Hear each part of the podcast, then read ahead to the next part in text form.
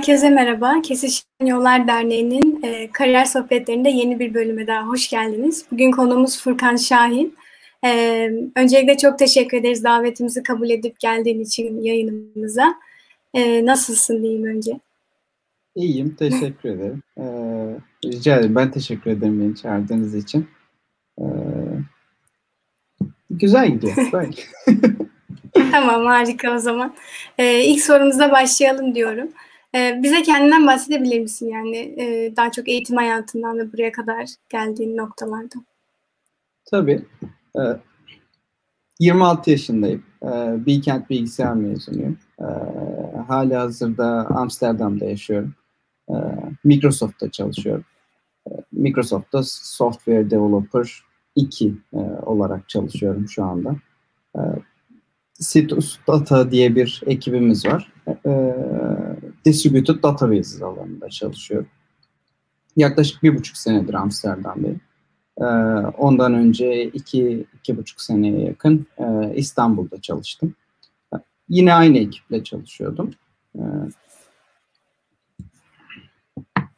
tabii e, startup'tı. Ben startupken katılmıştım. Şimdi Microsoft bünyesinde aynı kişilerle çalışmaya devam ediyorum. Ee, böyle. E, peki şu anda Microsoft'ta yaptığın iş tanımından bahsedebilir misin? Yani daha çok hangi teknolojileri kullanıyorsunuz, daha çok neler yapıyorsunuz gibi? Ee, tabii. E, şöyle, Microsoft, ben şu anda Microsoft bünyesinde Azure e, tarafında, e, Microsoft, Azure Microsoft'un e, cloud e, servisi e, diyeyim. E, orada bir distributed database servisimiz var. E, Citus Data adında. E, ben onun e, cloud üzerinde e, sunulmasını sunulmasından sorumlu olan takımla çalışıyorum. E, kısacası aslında yaptığımız şey müşteriler cloud'dan database satın almak istediklerinde bizim database'imizi biz cloud'daki serverlara o database'i kurup müşterinin kullanımına hazır hale getirip müşteriye sunuyoruz. Daha sonra da onun management'ını sağlıyoruz. E, ben direkt software developer rolündeyim orada. E, gün içinde e, bir sürü değişik teknoloji kullanabiliyoruz. Yani e, böyle en sık kullandıklarım işte e, bizim e, control plane tarafımız işte asıl ürünümüzün kendisi değil e, Ruby e, tabanlı. Ben Ruby e, dilini kullanıyorum programım olarak çoğunlukla. Ama onun haricinde bazı scripting yapmamız gerekiyor. Bazen işte e, continuous development environment'lara e, kurulumlar yapmamız gerekiyor. Onlar için işte Python yazabiliyoruz veya Bash e, yazmamız gerekebiliyor. E, bunun haricinde Microsoft bünyesinde çalıştığımız için bazen e, C Sharp, e, .NET, e, .NET Core e, tabanlı programlar da kullanmam gerekebiliyor. Böyle yani gün içinde e, Mac'ten de development yaptığım oluyor. E, bazen Windows bir bilgisayar kullanmam gerekiyor. E, o tamamen e, işin gereğine e, iş o gün neyi gerektirirse e, gibi. Ama en çok işte Ruby, C Sharp, Python, Bash e, bunları kullanıyorlar. E, anladım. Peki e, son dönem zamanlarda uğraştığınız projelerden birazcık da bahsedebilir misin? E, tabii. E, şöyle, ben son zamanlarda e, iki tane ana iş yaptım. E, bir tanesinde e, yaklaşık bir senemizi harcadık bunun için. E, geçen seneydi. Database'lerin e, ayakta kalması gerekiyor açıkçası. Yani bütün servislerin ayakta kalması gerekiyor ama e, database'ler genelde işte e, şirketlerin veya servislerin e, en temel yapı taşlarından bir tanesi. Yani eğer müşteri verisine ulaşamazsa e, komple e, business'ı e, duruyor. Dolayısıyla bunların uzun süre ayakta kalması lazım. Veya eğer bir failure olursa e, düzgün bir şekilde recover edebilmeniz lazım. Veya bir failure detect ettiğiniz zaman kısa süre içerisinde e, bu failure'ı mitigate edecek teknolojilerinizin olması lazım. E, benim en uzun süre emek harcadığım alanlardan bir tanesi buydu. E, Citus, Citus e, bir distributed database, e, PostgreSQL tabanlı. E, dolayısıyla birden fazla e, database serverını aslında ayakta tutmaya çalışıyorsunuz ve e, high availability setupları kurmanız gerekiyor. İşte yüksek e, erişilebilirlik setupları diyeyim. E, bunun için e, bazı e, işte konfigürasyonlar yapmanız lazım. E, var olan işte ana database'inizin yanında arka tarafta e, birkaç tane daha onu sürekli takip eden, e, ondan datayı e, kopyalayıp kendisinde hazır bulunduran e, database'ler tutuyorsunuz ki ana database eğer herhangi bir sorun yaşarsa, müşteri erişememeye başlarsa anında bütün müşterinin işte işini kurtarabilmek adına onların workload'unu e, arka taraftaki standby'da beklettiğiniz nodlara yönlendirmeniz gerekiyor, serverlara yönlendirmeniz gerekiyor. E, ben bunun üzerine uzun süre çalıştım. E, Citus'un e, high available kalabilmesi üzerine Azure tarafında. E, bu bir kısmıydı. Daha sonra e, bizim işte e, ürünümüzü kullanabilmesi için müşterilerimizin e,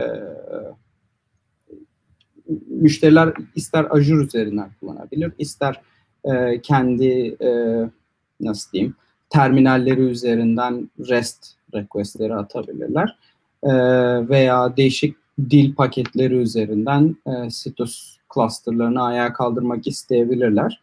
E, bunların hepsini karşıladığımız bir e, API setimiz var aslında. E, yani müşterilerle iletişim kurmamızı sağlayan bir e, nasıl diyeyim e, onun direkt adı API aslında. E, ve onların ben e, tekrar dizayn edilmesine çalıştım. Çünkü biz Microsoft bünyesine katıldığımızda bunu e, Citus'u Azure'da sunmaya başladığımızda hali hazırda orada bir servis vardı. Biz onu Citus'a uygun hale getirmeye çalıştık. Ve onun e, API'ları çok fazla Citus'a uygun değildi. E, ikinci olarak en fazla uzun süre e, çalıştığım alanda oydu. Ben onun bütün API'larını e, Citus'a daha uygun hale getirecek e, dizaynı yapıp onların implement edilmesi üzerine uğraştım. E, şu anda da hali hazırda e, çok yeni başka bir e, e, control plane'e geçmeye çalışıyoruz. Yani o e, müşterilerin ser, e, requestlerini alıp işlediğimiz, database'i kaldırdığımız sistemi e, taşıyoruz bambaşka bir projeye. E, şu anda da o projede çalışıyorum. E, o da aslında e, bizim daha önce AWS üzerindeki e, işte Cetus'un yine bir offering'i vardı. Orada kullandığımız teknolojilerin Azure'a entegrasyonu, Microsoft bünyesine entegrasyonunu gerektiriyor. E, son 3-4 aydır e, bunun üzerine çalışmaya başladım. Ama orada böyle spesifik olarak şu alana çok fazla e, zaman harcıyorum diyeceğim bir şey yok henüz. E, daha çok böyle bir iki haftalık küçük küçük işler yapıyoruz. Anladım. Ee, o zaman şunu sorabilirim sonrasında. Yani e, Microsoft'taki çalışma ortamını nasıl anlatırsın? Yani tipik bir gün nasıl geçer?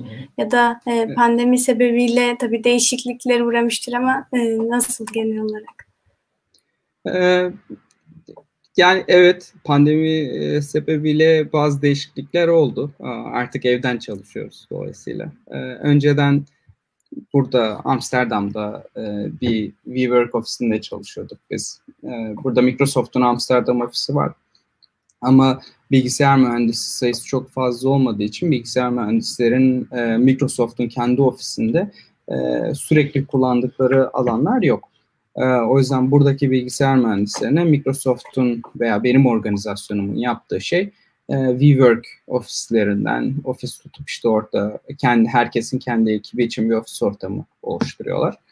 E, koronadan öncesinde bizim orada küçük bir ofisimiz vardı. Zaten benim ekibim Amsterdam'da 6 kişi. Hani küçük bir ekibiz aslında.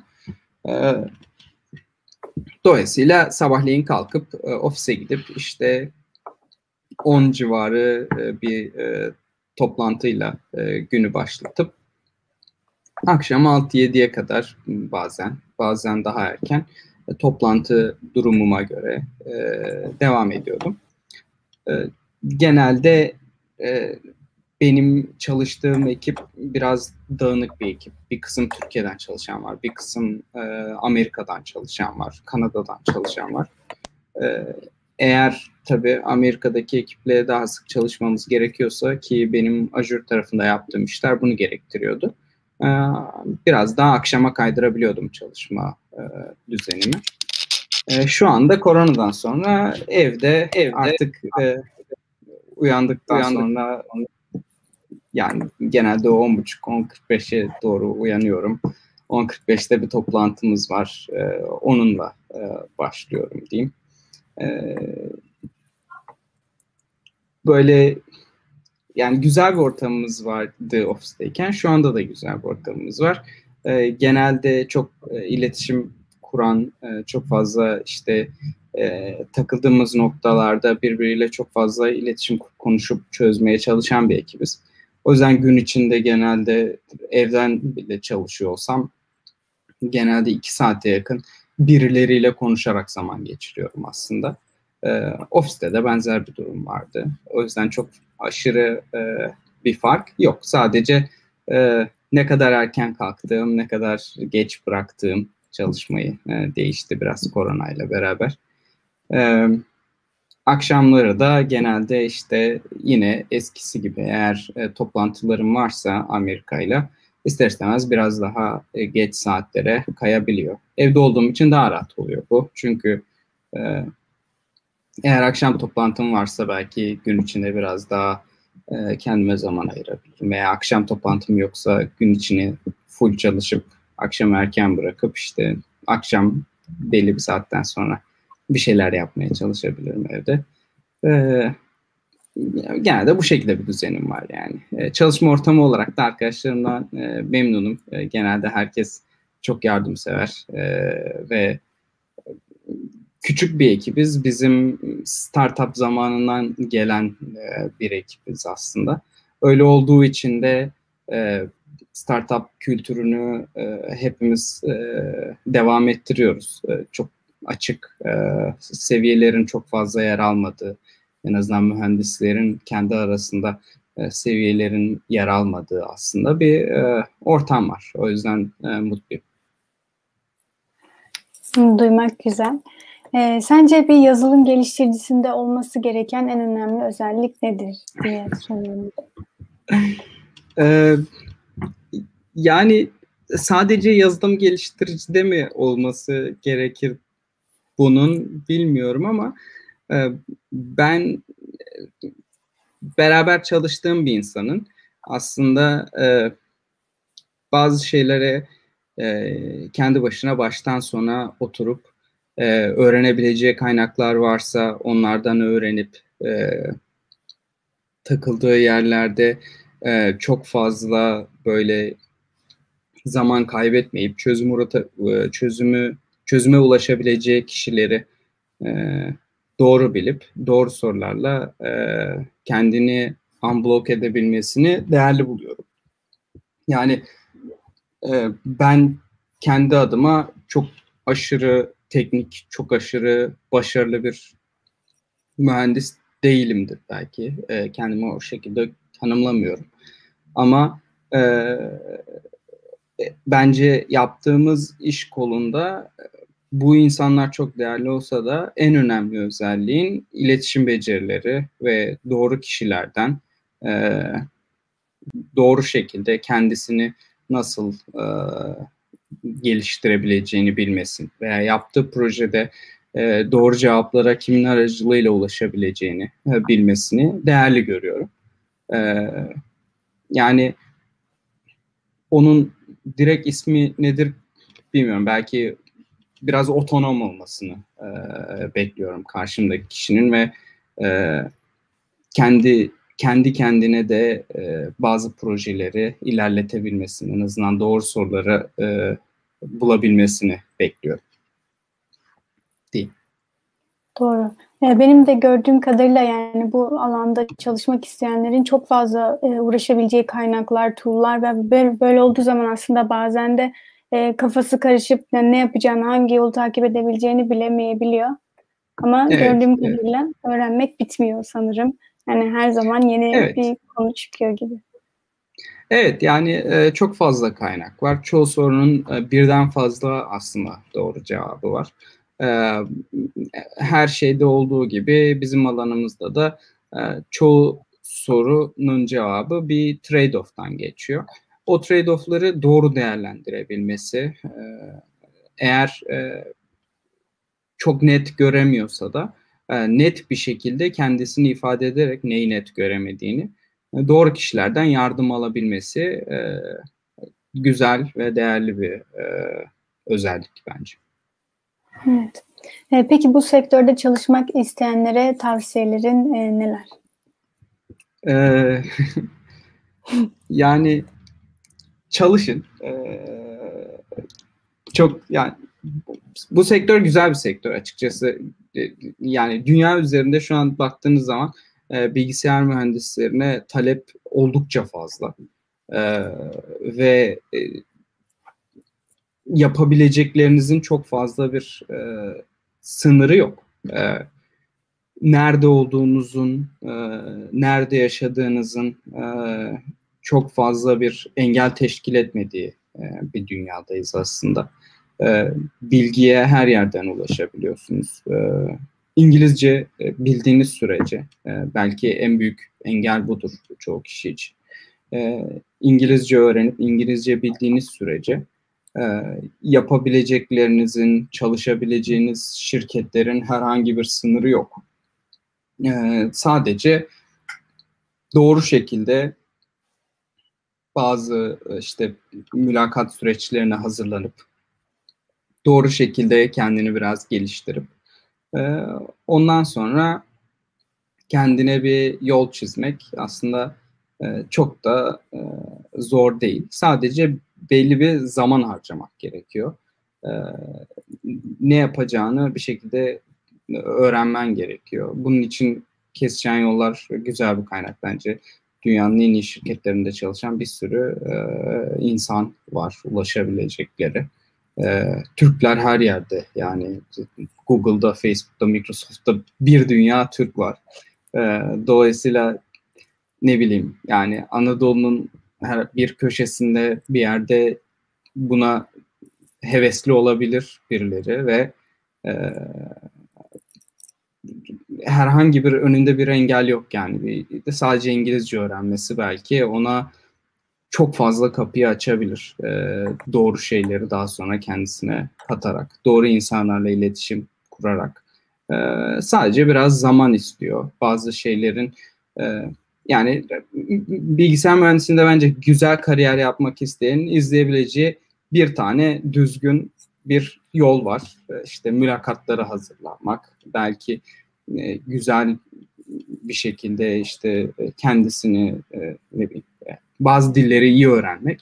Ondan sonrasında mülakat sürecini geçtikten sonra çok daha fazla şeyin e, kolaylaştığını, e, belki ilk işten sonra çok fazla şeyin bir anda e, daha da rahatladığını görebilirler. Evet. Peki çalışma hayatında sen ilk başladığında ne gibi zorluklarla karşılaştın? Ee, çalışma hayatıma ben e, Situs'ta stajyer olarak başladım. E, üçüncü sınıftan dördüncü sınıfa geçerken. Orada staj dönemi olduğu için ister istemez okuldaki bazı alışkanlıklarımı devam ettiriyordum. Ki bunun faydası oldu. Onlar da işte böyle e, sonuçta okulda bir proje yaparken e, pek bir sınırı yok. Hangi zaman diliminde yaptığınızın, ne kadar zamanı harcadığınızın. E, ben hırslı bir insandım hep. E, çalışkan bir insandım. E, stajda da bir şekilde bunu devam ettirdim. O staj bana güzel bir kapı açtı. Oradan iş teklifi aldım. Ama e, aklımda tutmam gereken şey şuydu. Çok bunun farkında değildim. Daha sonra bunu e, menajerlerim birkaç kere söyleyince e, fark ettim. Çalışma hayatına girdikten sonra e, bazı şeyleri dengelemeniz gerekiyor. E, okuldaki gibi 7-24 yani öğrencilik aslında 7-24 senin hayatını düzenleyen bir süreç. Yani sabah 9'dan akşam 5'e öğrenci olmuyorsun. E, bütün hayatın boyunca öğrencisin o süreçte. E, ama çalışma hayatı böyle olmuyor. Böyle ilerleyemiyor en azından. Bu şekilde yapmaya başladığınız zaman burnout olma ihtimaliniz oluyor. Çünkü çok uzun süreli bir maraton bu. Ee, çalışma hayatına geçtikten sonra en çok zorlandığım şey o e, süreci e, belki dengelemekti diyeyim. E,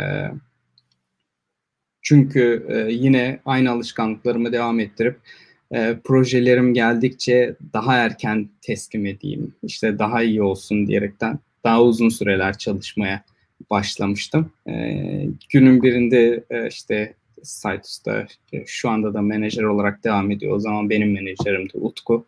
E, bir şekilde e, bir konuşma yaptı ve bunun böyle devam etmemesi gerektiğini, biraz daha yavaştan almam gerektiğini söylemişti bana. O, o bence çok değerliydi. O onu oturtmaya başladıktan sonra daha rahat bir çalışma hayatına geçtim. Anladım. Ee, burada bir sorum daha vardı aslında. Burnout yaşadın oldu ve sonrasında kendini nasıl motive ettin bu durumdan e, devamında gibisinde ama zaten az çok da bu soruda cevaplamış oldun bir yandan. Ee, yani şöyle ona hani ben burnout olmadım hiç o seviyeye gelmedim. Burnout olan bir iki kişi gördüm, tanıdım e, o sev o, o noktadan e, recover etmek, toparlamak e, kolay bir şey değildir diye düşünüyorum. Çünkü insanlar e, çalışma hevesini e, kaybettiği zaman tekrar motive olmak e, zor bir şeydir. Onu yaşamadığım için bilmiyorum. E, o yüzden tavsiye verecek konumda değilim bence. E, ama burnout olmamak için e, çalışma ve normal hayat dengesinin e, düzgün kurulması gerektiğini düşünüyorum. Eğer çalıştığınız şirkette buna izin vermiyorsa e, uzun vadede aslında çok sağlıklı bir ortamda e, değilsiniz demektir ve buna uygun önlemleri almanız lazım. Yani e, bu iş değiştirmek olabilir veya açık bir şekilde menajerinize bunu dile getirmek e, bu işte bu gidişatın mesela 3 ay daha devam ettiğini düşünürsen benim burnout olacağımı düşünüyorum e, gibi çok açık bir şekilde konuşabilirsiniz menajerlerinize bu tarz şeyleri. Onlar yardımcı olacaktır. Olmuyorlarsa da e, sizin kendi uzun vadeli kariyeriniz adına e, bunun önlemini kendiniz almanız lazım. Ee, bir soru gelmiş, onu da soralım. Ee, daha kurumsal bir şirkette çalışmak yerine ya da yurt dışına çıkmak yerine neden Situs'ta e, işe başlamaya tercih ettin? Ee, güzel bir soru. ben e, üniversiteye girdikten yaklaşık iki sene sonra e, tam olarak kararımı vermiştim yurt dışına gitmek istediğime dair. Evet ve bunun içinde adımlar atmıştım. Hani mülakatlara giriyordum, teklif almaya çalışıyordum. E, aldım da e, teklifte. E, Saitus'ta çalışmaya başlamam dediğim gibi stajlı oldu. Oradaki ortamı çok beğenmiştim staj süresince. E, ve e, Saitus e, Türkiye'de ofisi olan bir şirketti. Türkiye'de kurulmuş ama e, daha sonra genel merkezini Amerika'ya taşımış. İşte dünyanın farklı yerlerinde Hollanda'da, Fransa'da, Kanada'da, Amerika'da e, mühendisleri olan bir şirketti. E, o yüzden Saitos'la açık açık konuşmuştum. Hani ben yurt dışına gitmek istiyorum. Benim asıl amacım bu. E, Saitos'u çok değerli buluyorum. E, Saitos'un başarılı bir yer olacağını da inanıyorum. E, ama yani bundan bir iki sene sonrasında Türkiye'de olmak istemediğimi belirtmiştim. E, onlar da çok e, açık bir şekilde e, karşıladılar e, bu talebimi. Yani bunun olabileceğini. Sadece şu an daha uygun aslında hepimiz için. Direkt mezun olur olmaz. Yurt dışında çalıştığım bir şirketteki çalışma ortamına direkt Türkiye'den girmiş oluyordum. Ve bir iki senelik süreçte de e, yurt dışına gitme imkanımın elimde olduğunu e, hissettiğim, bildiğim bir şirketti. Ve işte kurucularına baktığım zaman, genel olarak ekibe baktığım zaman çok başarılı olacağını düşündüğüm, bildiğim bir ekipti. Açıkçası o yüzden Status'ta çalışmaya başladım. Yoksa yurt dışına gitmek istiyordum. Ee, ki e, günün sonunda e, hissiyatlarım beni yanıltmadı. Saitus gerçekten başarılı oldu ve e, bana verdikleri sözü de tuttular. E, yurt dışına da Saitus sayesinde e, taşındım aslında. Saitus'la beraber taşındım.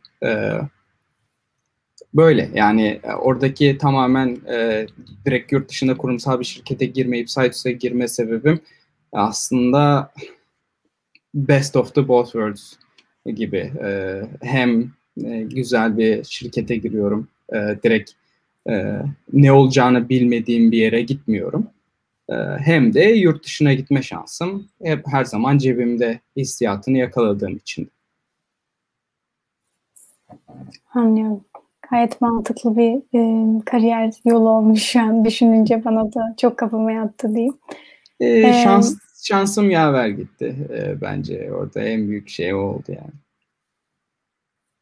Peki e, Türkiye'de ve yurt dışında gördüğün e, çalışma farklılıkları neler sence gözlemledin kültür olarak? E, ya buna doğru cevabı verecek kişi ben miyim emin değilim. Çünkü e, Türkiye'de çalışsam da dediğim gibi e, Citus e, bir yani e, iki Türk bir Hindistanlı e, kurucusunun olduğu ama e, işte kurucuların Amazon'da çalıştıktan sonra uzun süre e, veya işte CEO'muzun Boston Consulting Group'ta çalıştıktan sonra kurduğu bir şirket. Dolayısıyla e, bizim çalıştığımız ortam, çalışma kültürü Citus'taki e, direkt normal bir Türkiye'deki bilgisayar mühendisliğinin çalışma ortamına ne kadar yakındır? E, bu konuda çok bilgi sahibi değilim. E, bizim çünkü e, baktığım zaman Sites'taki çalışma ortamımızla Microsoft'a geçtikten sonra çalışma ortamımız arasında uçurum farklar yok. E, Microsoft'taki diğer insanların çalışma ortamı arasında çok fazla fark yok. O yüzden e, yurt dışındaki çalışma hayatıyla Türkiye'dekini çok fazla karşılaştıramam. Ama şu an içinde bulunduğum durum yurt dışında olduğu için e, belki şu anki çalışma ortamım mı anlatabilirim. E, o da e, herkesin yardım etmeye çok açık olduğunu hissettiğim, e, seviyelerin e, çok fazla göz önünde bulundurulmadığı, yani benim herhangi bir konuda yardıma ihtiyacım olursa Saitos zamanında CTO'muzdu Özgün. E, şimdi de benim 3 seviye üst müdürüm. E, Özgün'e bir soru sormak istersem, Özgün'le bir konuyu tartışmak istersem direkt ona yazabiliyorum. Onunla direkt çoğu şeyi konuşabiliyorum. Veya e, off day'ler her zaman ihtiyacımız olabiliyor. Gün içinde herhangi bir şey yapmak isteyebilirsiniz veya o günü iyi hissetmeyebilirsiniz. Hani bu tarz şeyler hiç sorun olmadı, olmuyor. Veya işte sabah kaçta başladım, akşam kaçta bıraktım. Bu tarz şeyler de hiçbir zaman sorun olmadı Saitus'tayken. E, şimdi de olmuyor. E, hani Türkiye'de çalışan birkaç tane arkadaşımdan en azından e, bu e, teknoloji parklarda e, çalıştığınız zaman ister istemez orada bir badge okutma e, hikayesi olabiliyor işte e, sonuçta e, bazı devletle işbirliği yapan e, kurumlarda. E, onların işe giriş çıkış saatleri önemli olabiliyor. İzin takipleri önemli olabiliyor. E, bizde öyle bir durum hiç olmadı. Onun e, rahatlığı da e, vardı her zaman. Veya işte evden çalışma e, korona ile beraber yeni olan bir şey değil bizim için. Hani ben haftada bir iki gün yani iki gün çok olmuyordu ama kesin bir gün haftada evden çalışıyordum zaten. Evde belli bir ortamım vardı. Yani bu şekilde rahat bir çalışma ortamımız vardı sosyal açıdan. Şimdi de öyle. Microsoft'ta da böyle. Benim gördüğüm Amerika'da Microsoft'ta çalışan arkadaşlar da böyle. Anladım. Daha e, esnek bir çalışma ortamı sanırım verimliliği de arttırıyor diye biliriz bence. Yani gördüğüm ee, kadarıyla. Evet, bence kesinlikle öyle. Ee, ki özellikle evden çalışmanın yaygınlaşmasıyla bence insanların çalışma miktarları da arttı. Ee, bu bir tık bir, bir tık sorun uzun vadede. Şirketlerin bunu önlemesi lazım. Çünkü ne kadar uzun süre çalışırsa çalışan e, burnout olma riski o kadar artıyor. Verimliliği o kadar düşüyor. Ama kısa vadede e, ekipler için gerçekten güzel bir e, verimliliği arttırıcı bir etken oldu. İnsanlar evinde oldukları zaman daha esnek davranabiliyorlar. E, toplantıların saatleriyle ilgili, çalışma saatleriyle ilgili. E, sosyal olarak da bu esnekliği sağlayan bir şirketteyseniz, hani e, ne bileyim ben e, Hollanda içinde iki gün başka bir yere gidip oradan çalışabilirim. Sonuçta bunu engelleyen kimse yok, bunu sorun eden kimse yok. E, bunlar güzel şeyler. E, bence menajerlerin e, her zaman desteklemesi, desteklediği takdirde de e, çalışandan e, olumlu olarak e, verimliliğin artışı olarak geri dönüşünü alabileceği şeyler bence. Bu arada yani Microsoft mesela dört gün çalışmayı e, denedi Japonya'da takip eden varsa. E, Microsoft Japonya ofisi haftada dört gün çalışıp üç gün e, izin yaptılar e, uzunca bir süre. E, yüzde 130 verimlilikte çalıştıkları ölçüldü e, günün sonunda. E, zamanla bu tarz şeyler daha da fazla yerde denenip artacaktır diye tahmin ediyorum. Evet bence de. Ya anlattığın e, iş ortamı ve genel olarak bu atmosferin e, olması da insanı birazcık daha bu tarz şirketlere e, başvurmaya daha çok itiyor sanırım. Yani evet. düşündüğüm zaman ben böyle bir şirkette çalışıyorsam şahsen geleceğim için hani işe gitmek birazcık daha yük olmaktan çıkardı gibi geliyor. Yani hoşuma giden bir aktiviteye de dönüşebilirdi belki bilmiyorum ama. Kesinlikle yani böyle esnek olduğu zaman insanlar iş hayatını e, iş olarak görmekten çok hayatlarının bir parçası haline getirmeye çalışıyor. E, çünkü esnek bir ortam var. E, hayatının içine ne kadar yedirebilirsen iş ortamını daha rahat çalışıyorsun sonuçta. Evet. E peki Citus'ta e, Citus mu, Citus mu artık ben de tam emin değilim ama. Citus e, diye e, şey e, tweet attılar geçen gün. E, ben de karıştırıyorum. Ben de arası Citus'a Citus diyorum yani. Evet, o zaman e, Citus'ta distributed sistemlerden e, kullandığınızı bahsettiniz genel olarak. Peki bunun için e, akademik eğitimin önemi ne kadar? Yani bu alan üzerine, bu konu üzerine master yapması ya da doktora yapması faydalı olur mu? Ee, yani şöyle, e, Citus ekibinin bir parçası olarak uzunca bir süre e, master dok yani doktora sahibi yoktu kimse ama master sahibi insanlar vardı. E, ama ne bileyim e, Almanya'dan işte e, lise mezunu insan da vardı. Şimdi yalan söyleyeyim. Ama çoğunluğu e, üniversite mezunuydu kesinlikle en azından bachelor mezunuydu. E, master yapmış insan sayısı e, çok fazla yoktu bildiğim kadarıyla. E, ne kadar etkili derseniz e, master yapmak e, bence etkili insanların kariyerinde. E, orada e, master yaparken ki belki çalışma konusu o kadar etkili değil ama master yaparken öğrenilen e, veya e, direkt edinimler e, önemli. Çünkü bence e, master iki senelik bir süreçte e, bir hocayla veya çoğunlukla tek başına olabildiğin, tek başına çalışmanı gerektiren, e, belli bir çalışma etiğini oturttuğun, e, özür dilerim. kendi başına e, bir, belli bir bilgiye, belli bir kaynağa nasıl erişebileceğini öğrendiği bir süreç. Ve bunun etkisi bence uzun vadeli olarak e, kariyer hayatında da görülebilecek bir şey.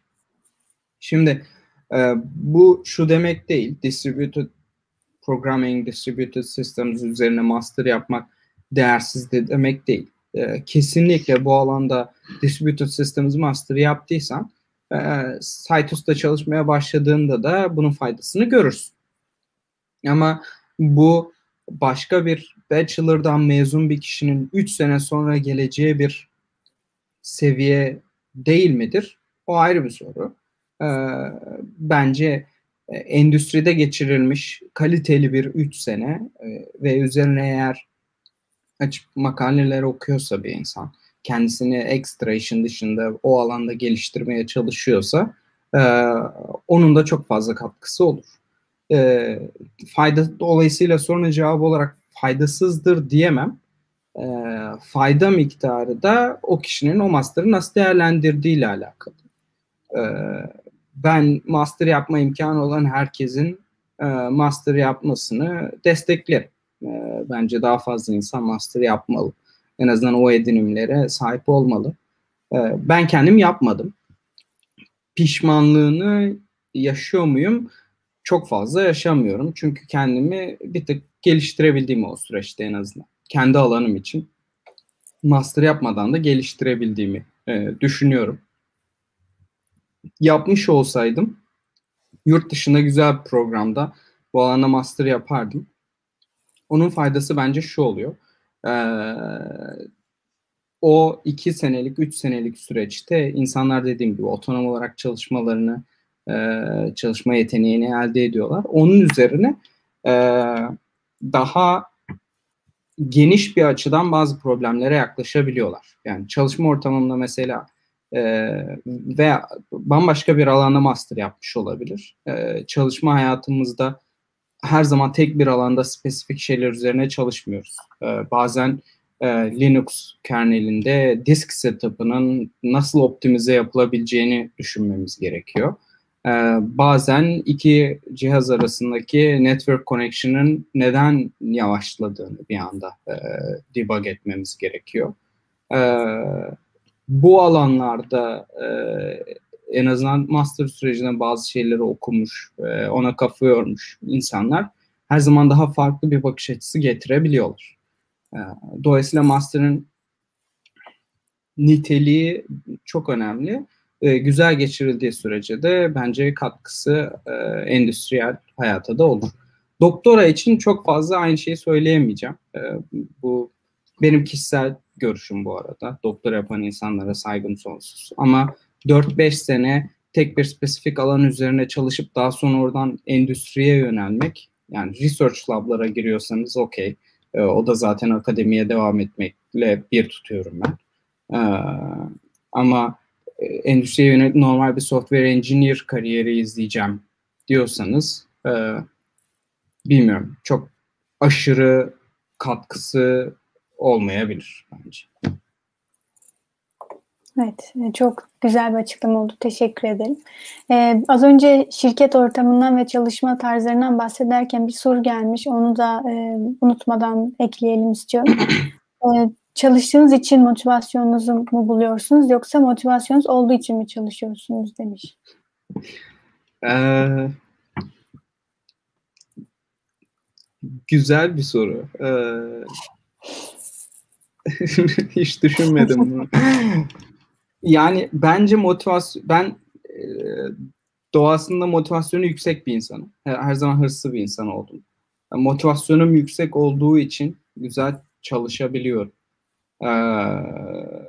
Veya uzun süreli çalışabiliyorum. Belli bir projenin gerektiğine göre bir iki aylık sprintlerde e, iyi emek sarf edebiliyorum. Ee, ama çalıştığım şirketteki, çalıştığım takımdaki çalışma ortamım, arkadaşlarım da e, bu motivasyonumu arttırıyorlar aslında. Yani o tek taraflı şu ya da bu diye verilebilecek bir cevabı yok bence bunun. E, ikisi beraber gidebilmeli ve e, basic bir kişinin kendi motivasyonu da olmalı. Yani beni hayata çalışmaya motive eden çok fazla faktör var. Yani e, yani buradaki hayatımı bir şekilde devam ettirmeliyim yani en büyük motivasyon kaynağı bu sonuçta bir şekilde çalışmalıyım ama çalışırken de motivasyonumu düşüren faktörler ne kadar az olursa daha uzun süreli bu yatırımı kendime ve şirketime yapabiliyorum. Evet, ve buraya gelen sorulardan bence devam edebiliriz. Ee, daha yolun başında olanlar için bu alanda e, hangi teknolojileri, dillere ağırlık vermelerini tavsiye edersiniz demiş. Ee, yani teknoloji, dil spesifik olarak e, bence önemli bir faktör değil. Ee, yani bir sürü dil var. Mainstream bazı diller var sonuçta. Python, Java, e, C Sharp, C, C++. Ee, bunlardan hangisini öğrenirseniz öğrenin. Önemli olan o dili öğrenmekten ziyade programlama bence dilden bağımsız olarak belli bir düşünme şeklini oturtmak demek. Ee, yani bir yerden zaten şöyle oluyor bir yerden sonra çalışmaya başladıktan sonra göreceksiniz. Yeni bir projeye başlanır. Belli bir dilde o proje yapılıyordur. Ee, ve sizi o projede çalışmanızı isteyebilirler. Kimse size ya sen işte bu proje Ruby'de sen Ruby biliyor musun diye sormaz hani. Ee, çünkü en bilmediğiniz dil bile e, ya ben, ben mesela Microsoft'a geçerken e, başladığımız proje C Sharp'tan işte 500 bin satırlık bir projeydi. Benim hiç daha önce C Sharp görmüşlüğüm yoktu. E, ama maksimum yarım gün sonra, bir gün sonra diyeyim, eğer Java biliyorsan veya işte evet yani C biliyorsan uyum sağlayabiliyorsun. Ona o yüzden o şekilde şu teknoloji, bu dil demek faydalı bir cevap olmaz benim buna verebileceğim. Sadece belli bir dil, belli bir teknoloji seçtikten sonra ne yapıyorsanız yapın. Yani hangi dil olursa olsun e, o dillerde proje yapmanız önemli. E, o dilleri daha uzun süre kullanmanız önemli. Yani sadece Python öğrenebilirsiniz. Bunda bir ayıp, bunda bir e, eksiklik yok. E, önemli olan Python'la ne kadar uzun süre çalışıp ne kadar fazla proje yaptığınız ve e, onun e, ob- type structure'ını, obje structure'ını, class structure'ını, e, değişik library'lerini nasıl yönetebildiğinizi e, öğrenmenizle alakalı. E, ve bunu herhangi bir dilde oturttuktan sonra aslında e, başka dillere transferi çok zor değil. Bir de e, sanırım genelde bu e, alana ilk başlamak başlayan e, insanlarda genelde oluyor benim gördüğüm kadarıyla. Yani onu da öğreneyim, bunu da öğreneyim derken aslında günün sonunda hiçbir şey tam olarak öğrenmiş olmuyorsunuz. Sadece belli şeylerden azıcık bilmiş oluyorsunuz gibi. Ee, evet yani bir de evet yani birden fazla dil öğrenebilirsiniz. Ama günün sonunda yani o dili biliyorum, bu dili biliyorum diye CV'ye yazmakın e, çok fazla bir değeri yok benim gözümde. Hani iki dili olmasıyla sekiz dil olması arasında ben çok bir fark yani sekiz dil varsa on dil varsa bu adam hepsini biliyorum diyorsa bir noktada yalan söylüyor. Hepsini o şekilde o kadar detaylı bilemez zaten. Ee, bu hafta da birkaç tane mülakat yapacağım. Eğer mülakatıma girecek olan varsa e, hani CV'ler e, düzenlenebilir baştan. E, yani belli sayıda dilleri herkes e, düzgün oturtabiliyor. Bir ya da iki dili düzgün oturtup onu biliyorsanız bu bir şeylere başlamak adına yeterli bir miktar yani. Devam edelim o zaman buraya gelen sorulardan. Ee, üniversitede bilgisayar ve yazılım mühendisliği okumazsak çok büyük bir kaybımız olur mu? Son dönemlerde puanlar çok fazla arttı. Puanı daha düşük mühendislikler okuyup yazılıma yönelmek mantıklı mı denmiş. Yani, yani bu soruyu şöyle düzenleyelim. Ee, üniversitenin önemi nedir? İşe girerken. Endüstri hayatında okuduğunuz üniversitenin isminin veya bölümün bir önemi var mı diye düşünelim. Ee, bir önemi var. Çok çok çok önemli mi? Değil. Ama şöyle bir farkı oluyor. Onu söyleyeyim. Şimdi e, mülakatları yapan insanlar e, siz CV'nizi gönderdiğiniz zaman, siz belli bir yere başvurduğunuz zaman sizin CV'nize bakıp sizi mülakata alıp almayacağına karar veren insanlar e, üniversite ismini, bölümünü ve not ortalamanıza bakıyor arkadaşlar. E, belli bir seviyenin altındaysa maalesef maalesef diyorum çünkü ben, e, yani e, belki adı sana duyulmamış bir üniversiteden mezun birisinin çok iyi olabilme potansiyeli yok mu? Onun da var. Ama bu e, şirketler adına e, bir yatırım. Yani şöyle düşünün. Çok iyi bir üniversiteden 20 kişiyi mülakata alıyorsanız e, bunun 5 ile 10 tanesinin arasında sizin teklif çıkarma olasılığınız yüksek. Adı sana duyulmamış bir yerden mülakata alıyorsanız 20 kişiyi, e, onların içinden belki teklif verme oranınız 1-2 daha fazla olmayacak. Şimdi şirketler bunu bildiği için ve mülakat süreçleri şirketler için pahalı olduğu için. Çünkü mühendisler bu işe zaman ayırıyor. Günlük yaşam, günlük çalışma hayatlarından. Ee, dolayısıyla bizim her bir saatimizin bize maaş olarak verdikleri o her bir saat yazılım geliştirmek yerine mülakatlara ayrılan e, süreler. Dolayısıyla bunu maksimize etmeye çalışıyor. O havuzdan ne kadar başarılı mülakat çıkarsa şirketin o kadar ucuz mülakat yapıyor anlamına gelir ve daha başarılı insanları alıyor anlamına gelir. Dolayısıyla iyi bir bölümün, iyi bir bilgisayar mühendisliği güzel bir referans HR'lar için. Ee, buna dolayısıyla dikkat ediyorlar ve CGPA önemli, not ortalaması önemli. Çünkü belli bir seviyenin altındaysa bunun e, teklif alma olasılığını düşük olarak görüyorlar. Ha yüzde yüz çok olmazsa olmaz mıdır? Yani Bilkent, ODTÜ, Boğaziçi mezunu olmazsam olmaz mı? Olmazsa olmaz değil. E, oralardan da çıkıp belki daha zorlayıp birileriyle iletişime geçip CV'lerini iletip belli bir not ortalamasının altında da olsa e, yapılabilir ama daha zor bir yol. E, üniversitenin ismini, iyi bir CGPA'yı, iyi bir bölümü oraya yazdığınız zaman ister istemez o bakış açısı değişiyor ve mülakatlara girme e, şansınız çok daha fazla artıyor.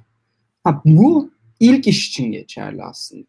İlk işinize girdikten sonra, belki ikinci işinize girdikten sonra e, artık e, 4 senelik, 5 senelik bir mühendisin e, üniversitede ne yapmış diye kimse bakmıyor. Yani o artık çok 4-5 sene öncesinde kalmış bir şey. Ondan sonra çalışma hayatında ne yaptığınıza bakılıyor. Ee, hani orada okulun böyle bir önemi var. İlk iş için gerçekten kapıyı açıyor ya da açmıyor. Ee, benim görebildiğim en azından benim ekibimin, benim şirketimin yaklaşımı bu.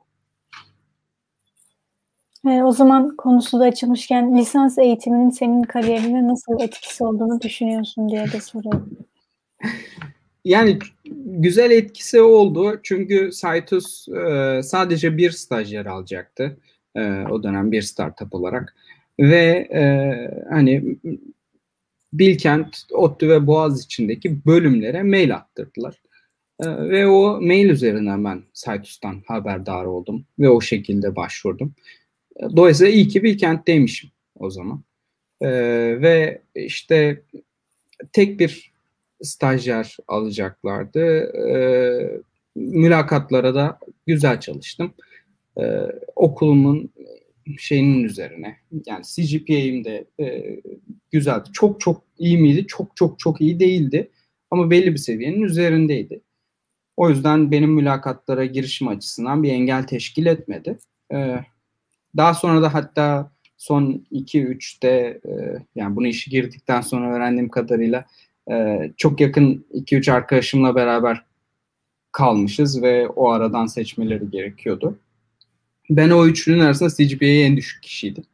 E, dolayısıyla CGPA'im benim ilk mülakata girişim için önemliydi ama son seçime kaldığımız zaman mülakatlardaki e, durumumuza göre daha çok e, karar verilmiş.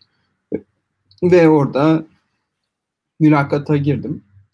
İşe girmemde Bilkent'te olmamın faktörü var mıydı? Yoktu. Staja girmemde vardı. Stajdaki performansım tamamen iş için teklif alıp almamamı belirledi. Ee, işe girişimde böyle oldu. Yani evet Bilkent benim için bir kapı açtı ama dediğim gibi çok çok çok e, öncesinde bir mail attırıp CGPA'mde belli bir seviyenin üstünde olunca o eşiği geçtikten sonra mülakatlar ne gösterirse orada ne yaptıysam ona göre karar verildi. İşe girip girmeyeceğim.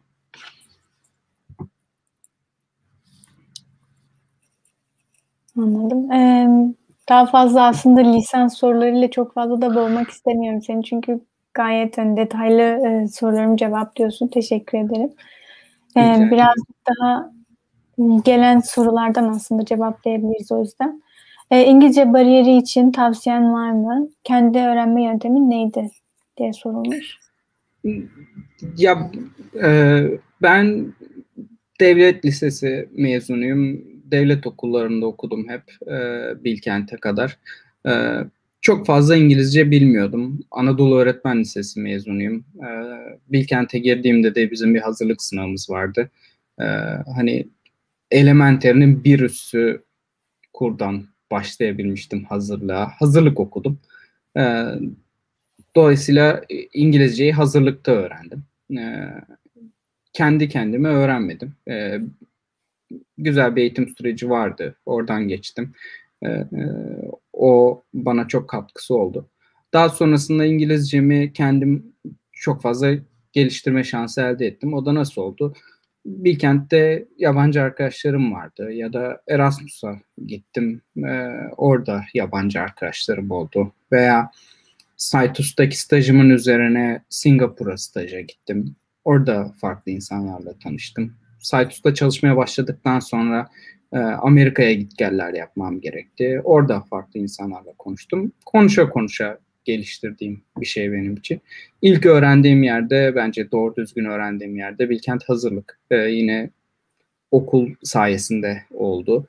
Ama kişisel olarak e, İngilizce öğrenip geliştirmek isteyenlere de tavsiyem yani e, bir örgün öğretim kurumundan öğrenmek bence faydalı oluyor. Üniversiteler bu işi çok iyi yapıyor. Ee, ama böyle bir imkan yoksa e, kendi kendine öğrenme açısından da şu anda çok fazla kaynak yine internette var. İnsanlarla birebir konuşmak için yurt dışına gidip o insanlarla tanışmak gerekmiyor. İşte bildiğim kadarıyla yine yüz yüze konuşabileceğiniz, kendinizi geliştirebileceğiniz uygulamalar var. Her YouTube videosunda Cambly'nin reklamı oluyor mesela. Yani e, Cambly tek değildir bu endüstride galiba. E, o tarz uygulamalar kullanılabilir. İngilizce konuşarak çok fazla geliştirilen bir şey. Okuyarak. E, ben çok fazla İngilizce kitap da e, okumadım ama çok fazla makale okudum. E, hem okul döneminde hem okuldan sonra. E, daha daha çok pratik gerektiren e, bir süreç bence. E, tavsiyem bu olur. Yani bol bol e, konuşmaya çalışmak. Eğer bir örgün öğretim kurumundan, üniversitelerden özellikle öğrenme şansınız varsa bence onlar güzel bir şekilde oturtmuşlar bu işi senelerdir. Hmm, onlardan öğrenmek faydalı olabiliyor. Herkes de Bilkent'in e, hazırlığını çok eleştirir e, ama bilmiyorum benim İngilizce öğrendiğim yer orasıydı. Yani bir şey diyemeyeceğim o yüzden. Ee, bir soruda Flutter ve Dart geleceğini nasıl görüyorsunuz diye gelmiş. Açıkçası hiçbir fikrim yok Flutter ve Dart nedir. Ee, bilmiyorum cevap verebileceğim bir konu değil. Ee, bilmem gerekiyor muydu bilmiyorum eğer öyleyse e, özür dilerim. bana ulaşabilirse sevinirim. daha sonra yani öğrenirim ve konuşuruz. Yani ben zaten ikinci sınıf öğrencisi olarak daha bir fikrim olmadığını belirtmeme gerek yok diye düşünüyorum. Yani şöyle bir şey yani, evet, pardon. E, yani hani şu an çok atıp tutmak istemiyorum ama e, çok, e, eğer spesifik bir teknoloji ise belki bir noktada belli bir alana specialize edilen bir şeylerse e, bir gelecekleri olabilir. E, spesifik şeyler bu aralar çok fazla trend olmaya başladı. Spesifik konulara yoğunlaşan teknolojiler. E, umarım böyle bir şeydir ve cevabım bir e, anlama kavuşur ama bilmiyorum yani nedir. E, şu soruyu da o zaman hemen okuyayım. İstanbul Üniversitesi AUZEV'de yönetim bilişim sistemleri okuyorum. Kariyerimi yazılım üzerine kurmayı düşünüyordum. Yazılım alanında master'da yapmak istiyorum. Yurt dışında iş bulmak istiyorum demiş. Herhalde bu kariyer planının mümkün olup olmadığını sormak istiyor soruda. Yani e, mümkün olmayan bir şey yok. Ee, tabii ki mümkün. Ee, yurt dışında master yapmak e, yurt dışında iş bulmak için atılacak e, çok garanti güzel bir adım. E, hani yurt dışında master yapan herkes yurt dışında iş buluyor mu cevabı hayır ama çok yüksek bir oranda bulunuyor. E, o yüzden yani bunu yapan arkadaşlarım da oldu. E, o yüzden eğer e,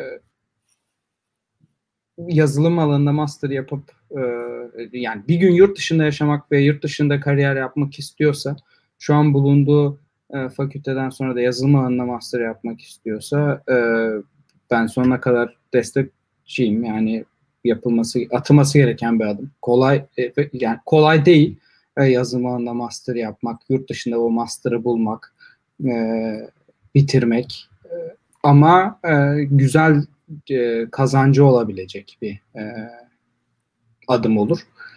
Avrupa'da çok fazla üniversite, çok fazla master programı var ve Türkiye'den çok fazla öğrenciyi kabul ediyorlar. E, Amerika'ya göre bir tık daha kolay bir adım Avrupa'da e, bunu gerçekleştirmek.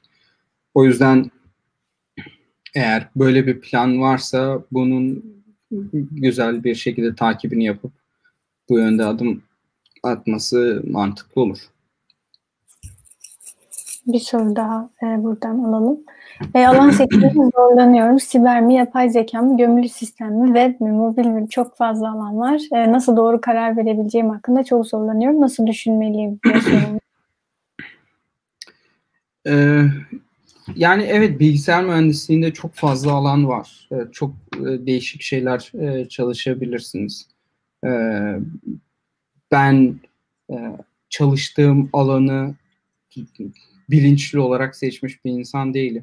E, deneyerek biraz oldu. Staja gittiğimde yaptığım iş hoşuma gitti ve oradan devam etmek istedim. E, dolayısıyla eğer staj yapma şansı varsa, bir yerlerde bu işi hands-on görme ihtimali varsa, bu çok verimli ve e, direkt öğrenebileceği bir yöntem olur. E, yani siber üzerine Türkiye'de çalışan çok fazla şirket var veya mobil üzerine işte çok fazla oyun şirketimiz çıkmaya başladı veya e, e yani mobil program geliştiriciliği bayağı arttı. E, yapay zeka konusunda da bildiğim birkaç tane başarılı startup var. Türkiye'de Tazı var e, e galiba çok başarılı bir startuptı. E, biz benzer bir ofis paylaşıyorduk onlarla zamanında. E, bu tarz şirketlerde, startuplarda özellikle bir e, staj ayarlayabilirse e, iki aylık, üç aylık bile e, olsa bence o ona çok fazla bilgi verecektir o alanda devam etme, edip etmek istemediğine dair. Onun haricinde yani staj kadar uzun vadeli olmasa da belki e, sonuçta bu alanlarda bir şey yapmak için bir alana yöneleyim de oradan sonra bir şeyler yapayım'a gerek yok. Yani eğer web çalışmak istiyorsanız oturup web e, sistemi yazabilirsiniz, servisleri geliştirebilirsiniz.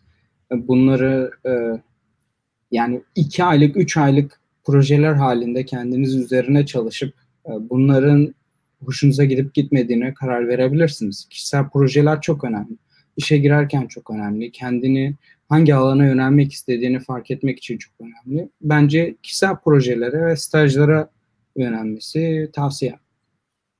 Evet bir de genel olarak e, insanların kariyerinde gördüğüm kadarıyla benim de e, daha çok hani sürekli hangisini yapmalıyım hangisini yapmalıyım yerini hani bir yolu seçip onu deneyip yanılarak aslında daha çok kariyer yollarını e, planlamış oluyorlar gibi geliyor bana da.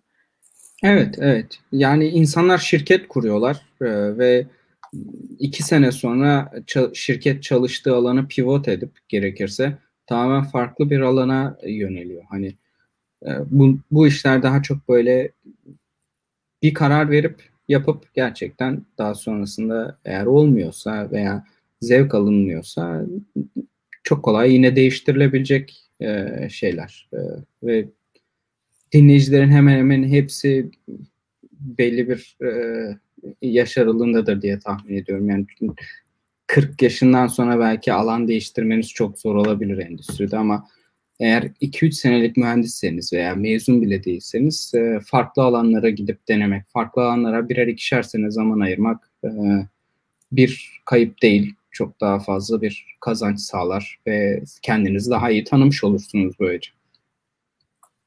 Evet. Ee, bir soruda Citus ve e, Microsoft üzerinden takıma birini almak istediğinizde mülakatlarınızı e, yapıları ve algoritmalar üzerinden mi yoksa genel teknik sohbet tarzında mı yapıyorsunuz diye eklemiş. Yani bizim e, mülakat sürecimiz hemen hemen bütün şirketlerle aynı. E, teknik e, algoritmalar üzerine bir phone screen e, mülakatı yapıyoruz.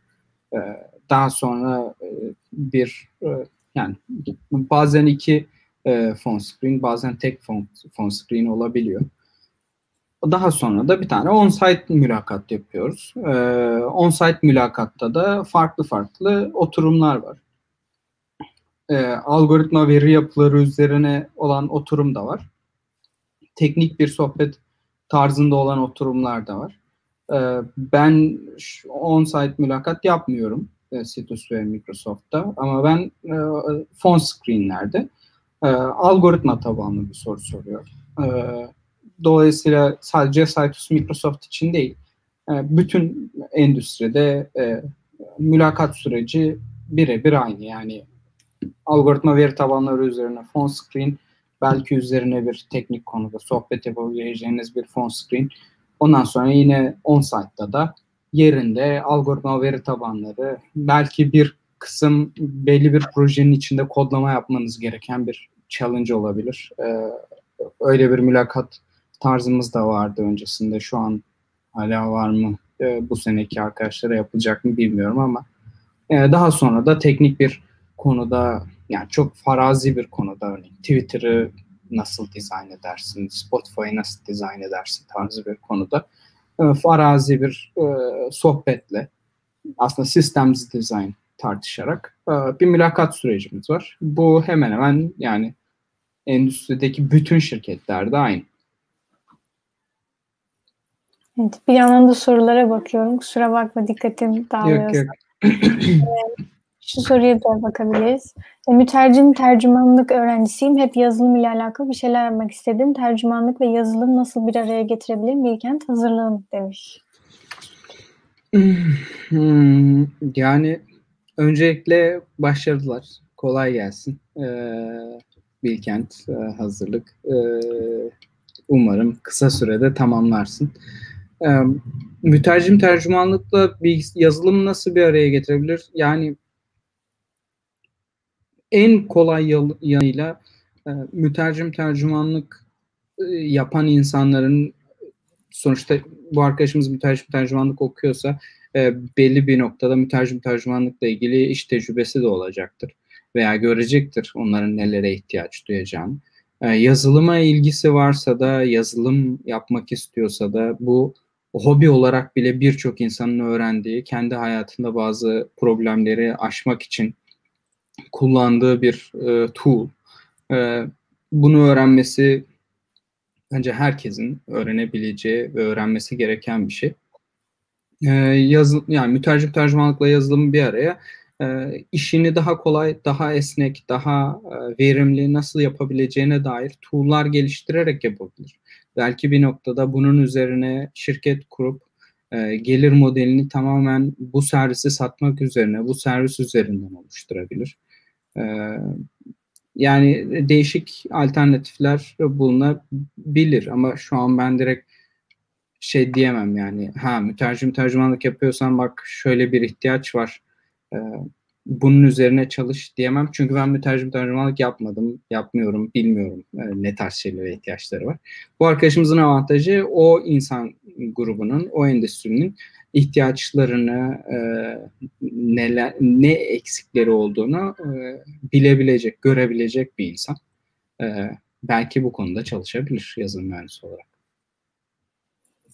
Evet o birazcık da yani iş geliştirmeye kalmış bence. Yani bu iki alanı bir, birbiriyle nasıl bağdaştırabiliriz gibisinden. Evet. E, o kişinin kendi yetenekleriyle bir araya getirebileceği bir konu dediğin gibi. Hı hı. E, bir soruda merhaba ekonomi okuyan birinin kodlama öğrenmesini kariyer açısından değerli buluyor musunuz diye gelmiş. Ee, tabii ki yani bu dediğim gibi herkesin kariyerine faydası olabilecek bir e, tool bence yazılımı öğrenmek.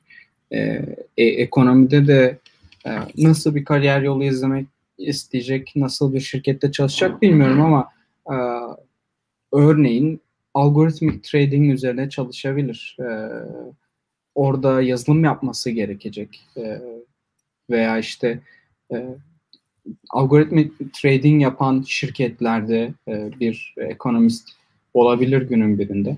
E, kullandığı tool'ların işleyişini bilmesi ona fayda sağlayabilir. Veya ekonomi bildiği için e, oradaki bilgisiyle yazılımı e, harmanlayarak bazı algoritmalar geliştirip yine e, kendisi bazı trading platformları kurabilir. E, ki bu insanlar bayağı değerli yani şu anda e, Türkiye'de de e, yeni yeni şirketler türemeye başladı bu konuda çalışan.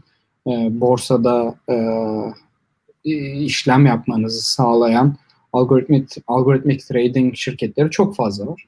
Ve bunların arkasındaki temel kişiler aslında bilgisayar mühendislerinden çok e, ekonomiyi, iktisat okuyan kişiler. Çünkü onların o alanda e,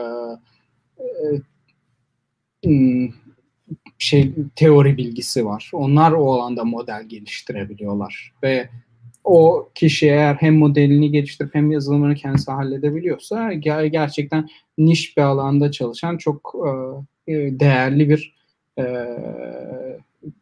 pozisyona e, almış oluyor kendini. Dolayısıyla kendisini çok güzel pozisyonlandırmış olması onun kariyerinde e, çok fazla yere hızlıca belki advance etmesini e, sağlayabilir. Evet, e, son olarak da bu soruyu bence Vites temelli ölçeklenebilir database geliştiren Planet Scale şirketi hakkında bir fikriniz var mı? Citus ile karşılaştırma yapabilir misiniz? Evet. E, yani Vites e, Citus'un e, MySQL tabanlı direct competitor'ı aslında. E, YouTube'un e, temelinde Vites'in olduğunu biliyorum. E, Planet Scale oldukça başarılı büyük bir şirket. E, Citus ile karşılaştırma yapabilir miyim? Yani direct competitor olduğumuz için bu konuda Hacker News'ta falan da çok fazla yorum var. E, çok teknik karşılaştırma yapmam gerekir. E, onların e, bazı yani, yani database alanında spesifik çok fazla e, konuşmamız gerekir. Bir test versus status'a girersek. Çünkü e, aynı problemi çözmeye çalışan e, çok benzer tool'lar. Ama Citus'un en büyük e, avantajı e, Vites'e karşı Citus PostgreSQL tabanlı open source bir database. E, dolayısıyla biz müşterilerimizi herhangi bir cloud provider'a, herhangi bir e, lisansa login etmiyoruz kesinlikle. E, biz AWS'de hizmet veriyorduk e, Microsoft tarafından acquire edildik. AWS'deki müşterilerimiz hala hizmetimizi kullanmaya devam ediyor. E, belli bir noktada biz bu servisi e, Azure'a taşımak istiyoruz. E, taşıyacağız da bunun enhancement'ını da yaptık. Ama e, avantaj olarak e, müşterilerimiz hiçbir zaman bizimle devam etmek zorunda değil. Citus open source, PostgreSQL de open source. e, dataları kendi bildikleri database'lerde e, başka bir provider'a e, çok kolayca geçirebilecekleri şekilde tutuluyor. Bütün PostgreSQL tool'larını hemen hemen kullanabilirler. E, dolayısıyla e, biz müşterilere açıkçası bizde kalmama, bizde kalmak zorunda olmama özgürlüğünü tanıyoruz.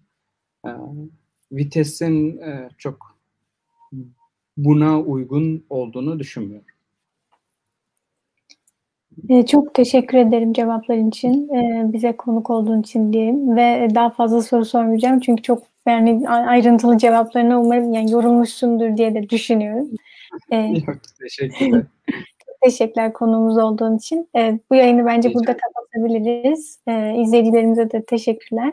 Ee, iyi akşamlar ben diliyorum. Ben teşekkür ederim beni aldığınız için. Son olarak e, benim ekibim e, Microsoft'ta e, Türkiye'de işe alım yapıyor. Şu anda e, başvuru yapabiliyorsunuz Microsoft'un kariyer sayfasından.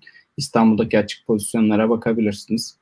E, bana da kişisel olarak ulaşabilirsiniz eğer bu konuda sorularınız vesaire olursa.